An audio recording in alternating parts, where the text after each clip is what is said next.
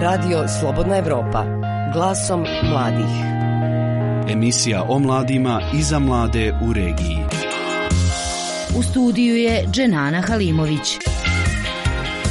Poštovani slušalci, dobrodošli u emisiju namijenjenu mladima.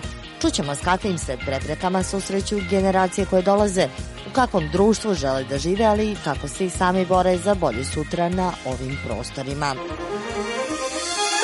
Radio Slobodna Evropa. Glasom mladih. Dok je za jedne ljeto vrijeme godišnjih odmora, mora, provoda i predaha od školskih i fakultetskih obaveza, za druge je prilika da povećaju svoj budžet sezonskim poslovima i naprave iskorak kao samostaljivanju. Konobari, trgovci, sobarice ili rad u poljoprivredi zavisi od interesovanja, ali i prilike. Što se Bosne i Hercegovine tiče ponuda na lokalnom nivou gdje bi mladi najčešće mogli da rade, uglavnom je siromašna i mahom se bazira na ugostiteljstvo, kakav je slučaj u Doboju i okolini. S jedne strane, kako su rekli naše Marnesu Grbešiću, mladima je ovo jedina prilika za zaradu, dok s druge strane roditelji im često ne dozvoljavaju da rade preko raspusta. U parku u Doboju Goran Jotić prodaje kokice i druge grickalice te iznajmljuje autiće za djecu. Sve je to slabo jer zima kad dođe onda je traži šta ćeš dalje idi na, na, na platu dva, tri mjeseca, mada teško je to sad da neće niko da ti primi tako, znaš. Svi hoće stalne, a plate su minimalne, 450-500 maraka, to je već slabo.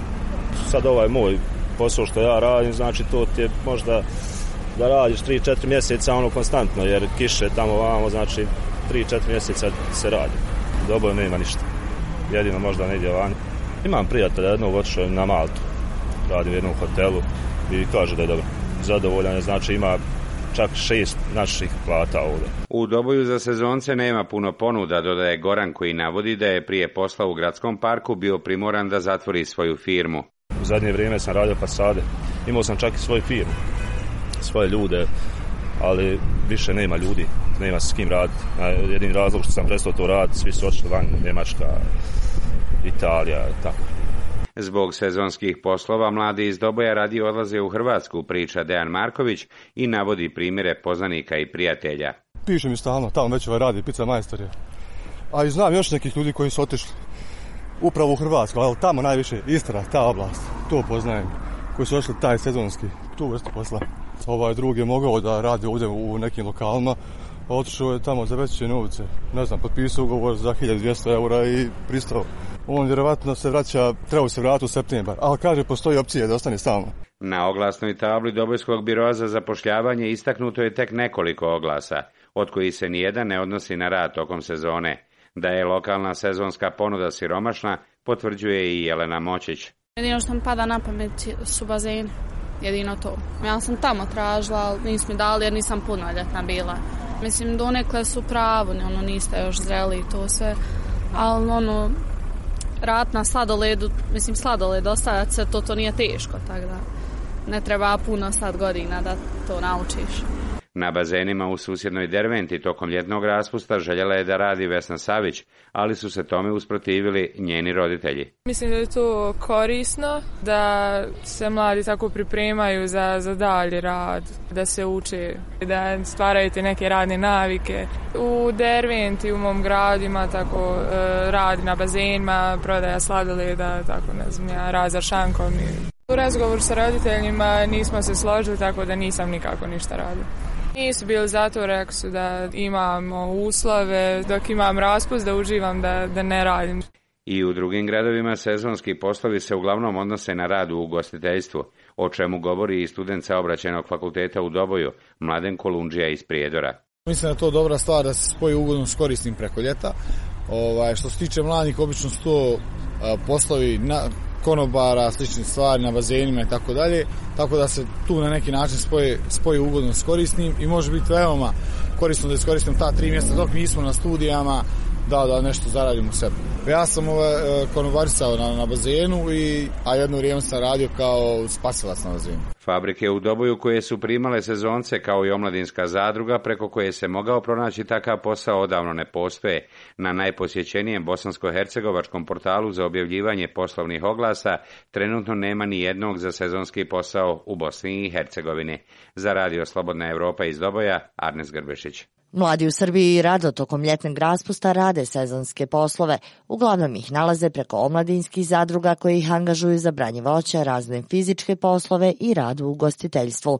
Mada posrednici uzimaju trećinu zarade, Zoranu Glavanjiću mladi su kazali kako im znači svaki zarađeni dinar. Srednjoškolci iz Beograda Sebastian Demirović i Kozma Hadžić imaju iskustvo u povremenim poslovima. Radim bukvalno svakih dva dana. Šalatom selitbe, šta god stigne od građevine, čišćenje i tako to. Ljudi imaju kontakt od mog oca i tako ga pozovu. Moje čale se dogovori kako se za koju cenu. Većinu uglavnom radimo za kuću i ja uzmem, na primjer, neki mali deo. Ja, na primjer, jedan posao radim, dobijem od 1000 dinara do jedno 3-4. Evo, skupio sam pare za jedno mesec dana i kupio sam PlayStation 4. Polovan za jedno 16.000. Ti težak posao? Pa jeste, ali naviknem se. Ne sam da pokazujem kako se zove da sam slab, zato što većina njih kako se zove radi još teži poslove i to. Jednom sam eh, radio kod omladinske zadruge preko njih.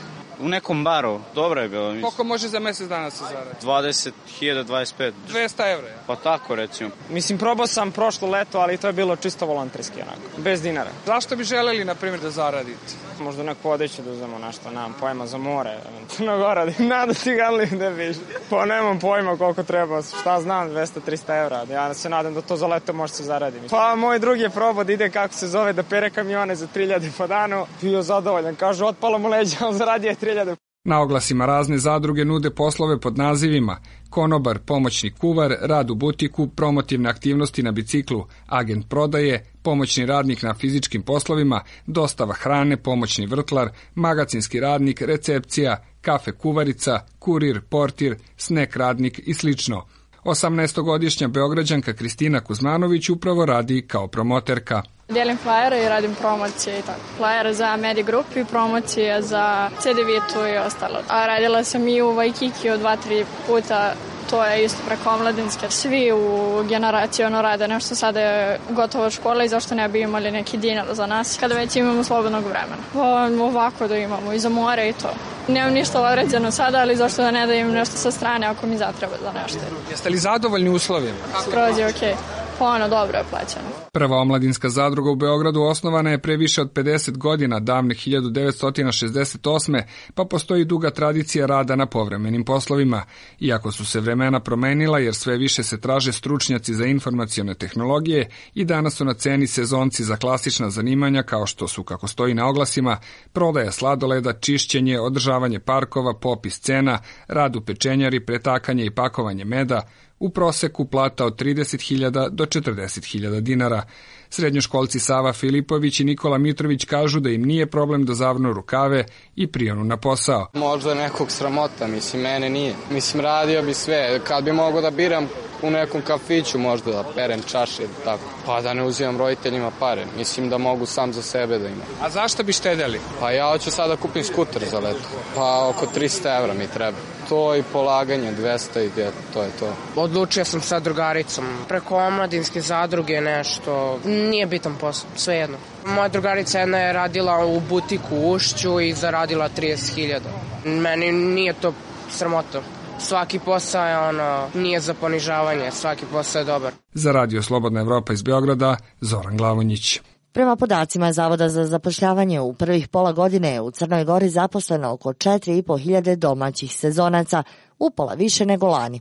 Godišnje ta brojka dosegne oko 10.000. Ipak duplo više je sezonaca stranaca, koji najčešće dolaze iz susjednih država. Što su razlozi da se mladi odlučuju za sezonske poslove i koji uslovi donose prevagu u toj odluci, pitali smo sagovornike u Budvi, gradu koji je rekorder po broju zaposlenih sezonaca tokom ljetnjih mjeseci. S njima razgovarala Jasna Vukičević. Prema zvaničnim podacima, poslodavci tokom sezone traže oko 30% kvalifikovane i 70% nekvalifikovane pomoćne radne snage, koja se odnosi na poslove sobarice, higijeničara, servirki, radnica u vešeraju ili kuhinji. Za dio takvih poslova, osim plate, poslodavci obezbeđuju sezoncima smješta i hranu, i to je prema mišljenju Marije i Jovane, sagovornica u našoj anketi, razlog zbog čega je sezonski posao u Crnoj Gori isplativiji strancima nego domicilnim nezaposlenima. Pa zbog toga što nije dobro plaćeno. Relativno nigdje. Ljeti svi težimo da više zaradimo. Realno. Ali ako je neko nezaposlen ili ako je neko student, dobro bi mu došlo par mjeseci za džeparac. Bi, bi, ali malo ljudi daje smještaj.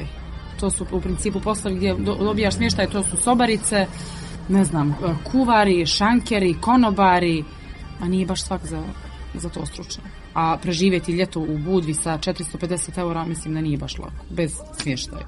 Kakva je vaša percepcija? Hoće li mladi da rade sezonski poslove? Pa slabo, boga mi. Male su plate. Za, za sezonu, mislim, ono. Jer dolaze od svakle, iz Srbije, iz Bosne. I onda... Zašto se tim ljudima isplati, a ne isplati se ljudima koji ovdje žive? Ma isplati se sigurno ovima više ovima što dođu. Imaju taj neki smještaj, šta, platicu, baš iskoriste. 18-godišnja Bojana iz Budve već nekoliko godina provodi ljeto radno. Smatra da joj sezonski posao ne donosi samo dobrodošao džeparac, već i radno iskustvo koje će kasnije olakšati nalažanje stalnog zaposlenja. Ja radim već ovo mi se četvrta sezona i mislim da je to zapravo baš fino. Mislim zašto ne bi se zaradio neki novac, mislim da se sidi kući, stvara se radna navika i u isto vrijeme je stvarno lijepo i korisno. I kakvi su uslovi za sezonu? Pa ja radim u firmi u kojoj su uslovi više nego korektni. Mislim, rijetko ko ima slobodan dan i preko cijele godine, a kamoli u sezoni, a meni je to obezbiđeno i ja zaista nemam nikakvih primjerki, nego bih zapravo svima i preporučila zašto ne da se iskoristi. Pogotovo ako nije neko smorao, isto vrijeme dobija iskustvo i priliku da malo dođe da se okupa, da se navikne, tako da mislim da je to stvarno lijepo. I Darko je mještani na svoje studentske ferije provodi prodajući turističke izlete. Nije loše, ali naravno može biti bolje, kao i svake godine. Jeste teško, naporno je, sunce baš peče, pogotovo ispod tende. Mogu, makar da imam tako za fakultet, da troškarim pomalo. Prema podacima Zavoda za zapošljavanje, plate za nekvalifikovane sezonske poslove su do 350 eura, često uz obezbijeđen smještaj i hranu, dok oni kvalifikovani mogu zaraditi oko 600, ali i više, na primjer na poziciji kuvara – Darka i Bojanu pitamo zašto su te zarade često privlačnije mladima iz susjednih država. Pa, što se tiče Budve, mislim da stvarno ima puno ljudi koji ne već imaju svoje poslove i onda sinovi i čerke mnogo više vole da provode vrijeme na plaži, dok ovi ostali ipak su došli da zarade nešto. Ne znam, možda mi to ne cijenimo dovoljno jer smo navikli na to, pa vjerovatno nam je to bukvalno uzimamo zdravo za gotovo, što mislim da je velika greška, ali ne znam, možda se promijeni za nekih par godina. Za radio Slobodna Evropa iz Budve, Jasna Vukićević. Glasom mladih. Emisija o mladima i za mlade u regiji. I dok sezonski poslovi doprinose vlastitom budžetu, volonterski su od izuzetne važnosti za zajednicu.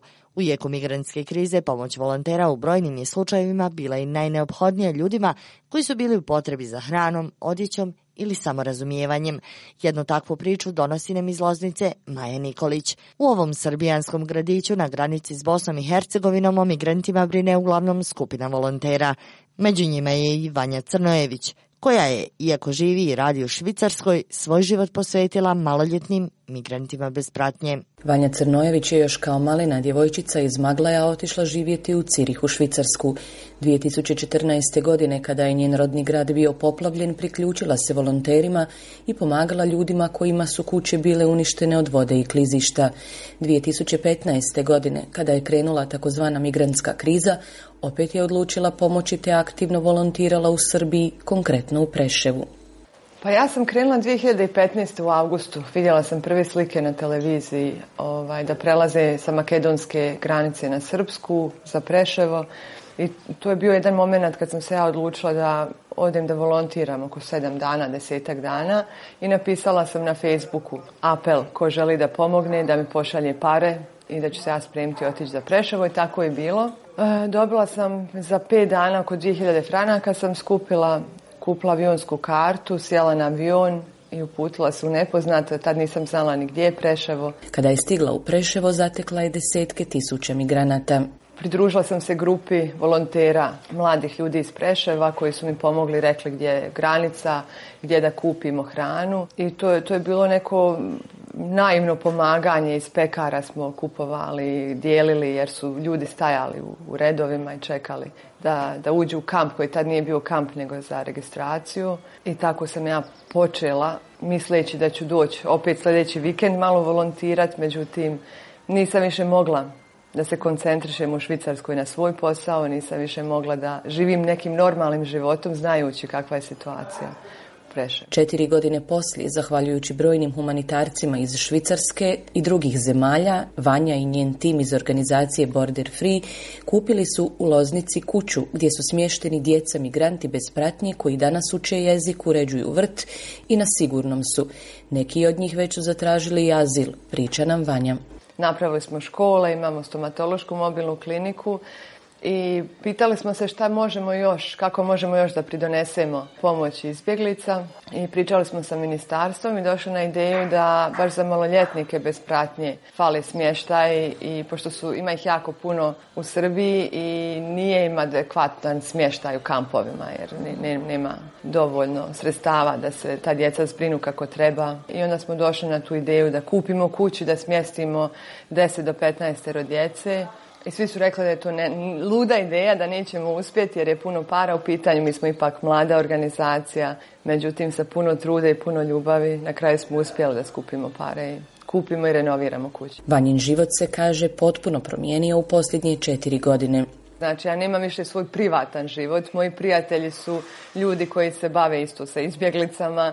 Moja familija je morala biti involvisana u sve ovo. Tako da border free izbjeglice su postali moj život. Nisam ni mislila koliko će me ispuniti. Znači, uvijek mi svi pitaju pa vidiš puno strašnih stvari, ružnih stvari. Imali smo i, i smrtne slučajeve. I sve to stoji, ali ta ljubav koju dobiješ na kraju, ta zahvalnost od tih ljudi se ne može opisati ni riječima ni platiti nikakvim parama, tako da je to nešto gdje sam se ja pronašla lično. Border Free organizacija ne pomaže samo izbjeglicama, nego i svim ljudima u potrebi. Želja joj je ovim ljudima život učiniti dostojnim onog što su u zemljama koje su napustili, ostvarili i imali. Za radio Slobodna Evropa Maja Nikolić. Nađemo se u trio važi subotom u 15 na radiju Slobodna Evropa. Glasom mladih. Mladi čine oko petine stanovništva regiona Zapadnog Balkana, a izazovi s kojima se suočavaju su svuda isti. To je visoka stopa nezaposlenosti, neusklađenost obrazovanja sa tržištem rada i osjećaj besperspektivnosti. Zato mladi odlaze, a pitanje je da li će se ikada vratiti u svoje domovine. O ovim temama bilo je riječi na nedavno održanoj konferenciji u Bukureštu o tome kako bolje odgovoriti na evropska očekivanja mlade generacije na Zapadnom Balkanu. Pripremila Aida Đugum. Nepovjerenje prema političkom sistemu, nedostatak posla ali prilika da pokažu šta mogu i šta znaju, razlog su masovnog odlaska mladih. To je postao gorući problem svih zemalja Balkana. Na taj način mladi, kaže Katarina Vučković iz Bosansko-Hercegovačkog instituta za razvoj mladih kult, oni šalju jasnu i nedvosmislenu poruku. Imate zadnju poruku tuzlanskih srednjoškolaca, maturanata koji su rekli Angela mi smo završili. Dakle, jasna poruka na majicama maturanata u, u Tuzli je poruka Bosne i Hercegovine kao društvu. Da nešto hitno mora raditi. Edin Koljanović, šef regionalne kancelarije za saradnju mladih za područje Crne Gore, objašnjava. Problem odlaska mladih ljudi je zaista kompleksan i zaista smatram da na to utiče jako veliki broj faktora. Između ostalih, prije svega je nemogućnost mogućnost zaposlenja. Dakle, jako često niste u mogućnosti ukoliko ste čak i a, diplomirani student ili ukoliko ste magistar, mi imamo na zavodu zapošljavanja čak i nekoliko doktora nauka da nađete radno mjesto. U, u, drugoj, a, u, drugom, a, u drugoj kategoriji stoji i nivo zarada koje možete ostvariti, odnosno ono što, što podrazumijeva jedan, jedno ekonomsko stanje u državi ili prosječna zarada koju oni mogu zaraditi. To sve jesu faktori koji utiču na to da mladi ljudi se odluče vjerovatno za odlazak iz, iz Crne Gore Bonobo Katarina Vučković iz Kulta. Kada smo 2017. u ljetu radili anketu sa mladim ljudima koji su već otišli iz BiH i mladim ljudima koji se pripremaju na odlazak iz Bosne i Hercegovine, oni su nam rekli da zapravo ono što oni od BiH očekuju i od zemalja u koje odlaze, a to je očekuju adekvatan obrazovni sistem, funkcionalan zdravstveni sistem i prilike da se pokažu. Dakle, ne da im država obezbijedi posao, nego da stvori ambijent u kojem će i oni stvarati poslove i ambijent u kojem će oni imati priliku da kroz posao napreduju stvari stvaraju, poslodavci očekuju da zapravo dobiju i gotov proizvod, da dobiju mlade ljude sa dobrim, zdravim životnim navikama, pa onda i radnim navikama. To u Bosni i Hercegovini, nažalost, ne gajimo kroz obrazovni sistem. Dodatno su mladi tada spominjali um, da ono što ih smeta u Bosni i Hercegovini je javno-politički diskurs koji sve više liči na ona iz 90-ih. Ono što je frustrirajuće i činjenica da mladi nemaju šansu da budu na mjestima gdje se odlučuje, posebno kada je riječ o odlukama važnim za njih, ističe Koljenović. Mladi ljudi žele više prilika. Dakle, više prilika kada je u pitanju neformalno obrazovanje, više prilika kada je, kada je u pitanju zaposlenje i nešto što je vrlo važno, planiranje svoje budućnosti u regionu, regionu Zapadnog Balkana. Mladi ljudi, nažalost, jesu često karakterisani kao inertni, ali ja smatram da to zapravo nije njihova krivica, već da je krivica nas koji treba da obezbijedimo mladim ljudima dovoljno šansi i prilika da učestvuju na raznim nivoima mladi ljudi žele i to pokazuju nas u svakoj prilici jeste da učestvuju u kreiranju politika koji se tiču njih. U posljednjih sedam godina mladi koji čine oko petine stanovništva regiona Zapadnog Balkana dobili su manje od 5% od ukupno 700.000 radnih mjesta otvorenih u tom periodu. Ali nije samo to problem, smatra Đuro Blanuša, generalni sekretar regionalne kancelarije za saradnju mladih. Što se tiče mladih i njihovih izazova, jedna od stvari koje u stvari verovatno i, i, i motiviše ih da razmišljaju o tome da podrže svoju perspektivu negde drugde i van Zapadnog Balkana, ne mora uvek biti samo nedostatak posla kao što se često pogrešno misli, a, nego je to često upravo onaj osjećaj da, da nisu prepoznate od strane institucije koje treba njima da se bave. To je takođe i taj osjećaj da su oni potpuno, da kažem, diskonektovani, moram da upotrebim tu reč, a, ovaj, zato što jednostavno to najbolje opisuje a, to neko njihovo osjećanje e, beznadežnosti i činjenice da redko kada učestvuju u procesima donošenja odluka koje se tiču njihovog života i njihove perspektive. Odluke koje se tiču mladih zaista treba da budu donosene zajedno sa, sa mladim ljudima. Dakle, imamo taj jedan problem što mladi ljudi u ovom regionu ne vide baš perspektivu na Zapadnom Balkanu i to je naravno nešto što je pre svega odgovornost naših vlada i glavna poruka i sa ove konferencije treba da bude da vlade zaista treba da najozbiljnije shvati ovaj možda i poslednji poziv za za određene promene. Za Radio Slobodna Evropa, Aida Đugum. Mladi u Bosni i Hercegovini često se žale na nedostatak prilika da se dokažu. Priča za Ničanke Arnele Maglić međutim govori o tome da ukoliko postoji volja i trud, sva su vrata otvorena. Završila je pravni fakultet na Univerzitetu u Zenici, a tokom studija vodila je debatni klub s kojim je predstavljala fakultet na državnim i međunarodnim takmičenjima iz pravnih oblasti. Upravo ta takmičenja donijela su joj ponudu da master studije završi na pravnom fakultetu u Pittsburghu u Sjedinjenim američkim državama, nakon čega obavlja i advokatsku praksu u američkom advokatskom uredu. Priču o Arneli Maglić iz Zenice donosi Ajla Herolić. Arnela Maglić ima 25 godina i zvanje magistra pravnih nauka. Tokom svog studija pokazala je angažovanost na fakultetu u nastavnim i van nastavnim aktivnostima što joj je kasnije donijelo i mnoge poslovne ponude u struci, Nije se vodila rečenicom kako pravnika ima mnogo na birovu, te smatra da je upis na pravni fakultet ispunio sva njena očekivanja. Pravi je potez bio to što sam upisala pravni fakultet u Zenci, obzirom da naši rezultati, odnosno rezultati ovog fakulteta čvrsto stoje iza moje izjave da je ovo trenutno najkvalitetniji pravni fakultet u Bosni i Hercegovini. Nakon upisa na pravni fakultet u Zenici, ono što mi je bilo ponuđeno je su brojna takmičenja koje ovaj fakultet nudi svojim studentima, Arnelino prvo takmičenje je bilo regionalno takmičenje u Herceg Novom, nakon kojeg je bila u Den Hagu na takmičenju iz međunarodnog krivičnog prava. Kruna njenog zalaganja bilo je Vismut takmičenje iz arbitraže u Beču, nakon kojeg dobija ponudu za nastavak školovanja u Sjedinjenim američkim državama. Da idem na master studij u SAD, odnosno Univerzitet u Pittsburghu, njihov pravni fakultet. To je bila jedna od najizazovnijih i najboljih godina u mom životu. I nakon završetka studija, kao što sam obećala prilikom svog odlaska, vratila sam se u Zenicu, vratila sam se u Bosnu i Hercegovinu i radila dalje sa ove godine kao jedan od trenera za VIS team opet, gdje smo ostvarili uspjeh koji je treće mjesto, zahvaljujući genijalnim studentima koje smo imali ove godine i nadamo se i naredne isto tako. S obzirom na činjenicu da je studirala u Zenici te Pittsburghu, navodi kako je pristup profesora u Pittsburghu individualni te da na ovom programu studenti mogu mnogo naučiti kao i stažirati, ali sve zavisi od ličnog zalaganja i rada studenta. Prva bitna razlika jeste to što je to common law sistem gdje je pravni sistem drugačiji nego u Evropi drugačiji je pristup profesora prema studentima, mada smatram da i pravni fakultet u Zenici ide polako ka tom pristupu.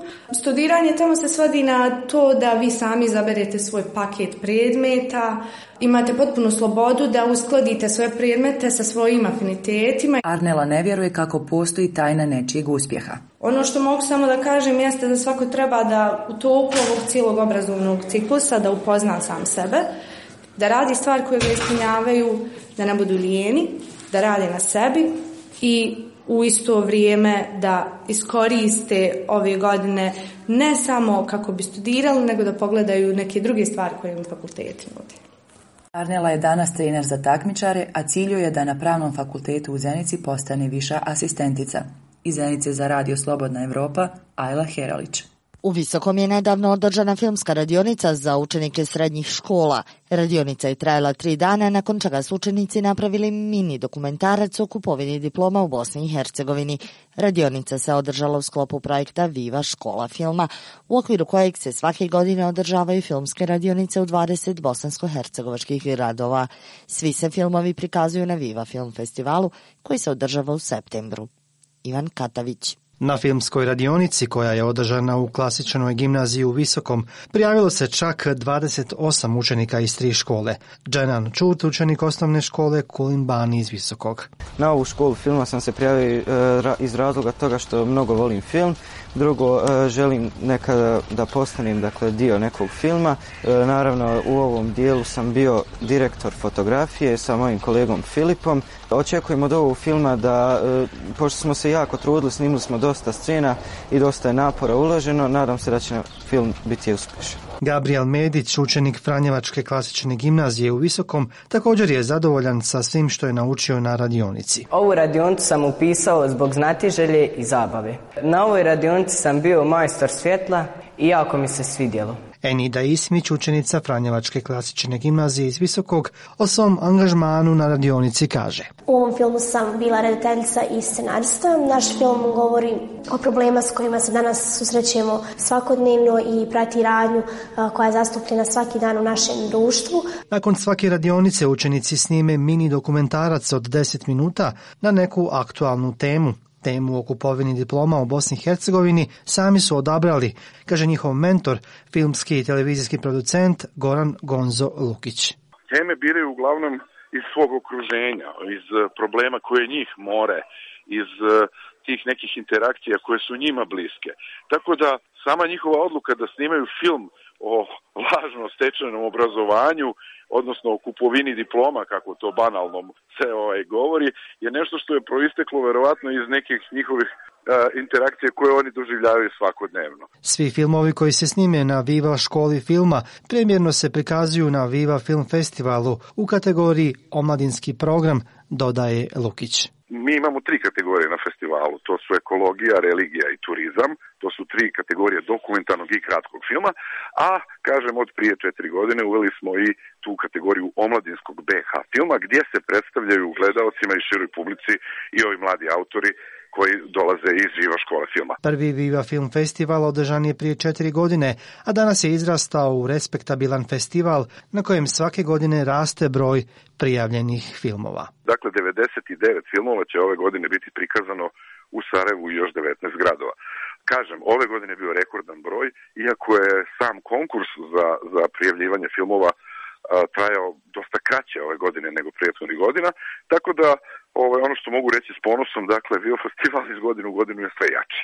Ali ono po čemu je Vivo Festival specifičan, to je da u istom trenutku u 20 gradova će se ti filmovi prikazivati, tako da će gledalci diljem Bosne i Hercegovine moći da putuju praktično kroz razne zemlje, jer ove godine, kažem, 110 zemalja je prijavilo svoje filmove. Za radio Slobodna Europa i Sarajeva, Ivan Katević slobodnaevropa.org. Budite online s radijom Slobodna Evropa. Bilo bi to sve u ovom izdanju emisije Glasom mladih. Iz studija u Sarajevu pozdravljaju vas Enes Hrničić i Dženana Halimović.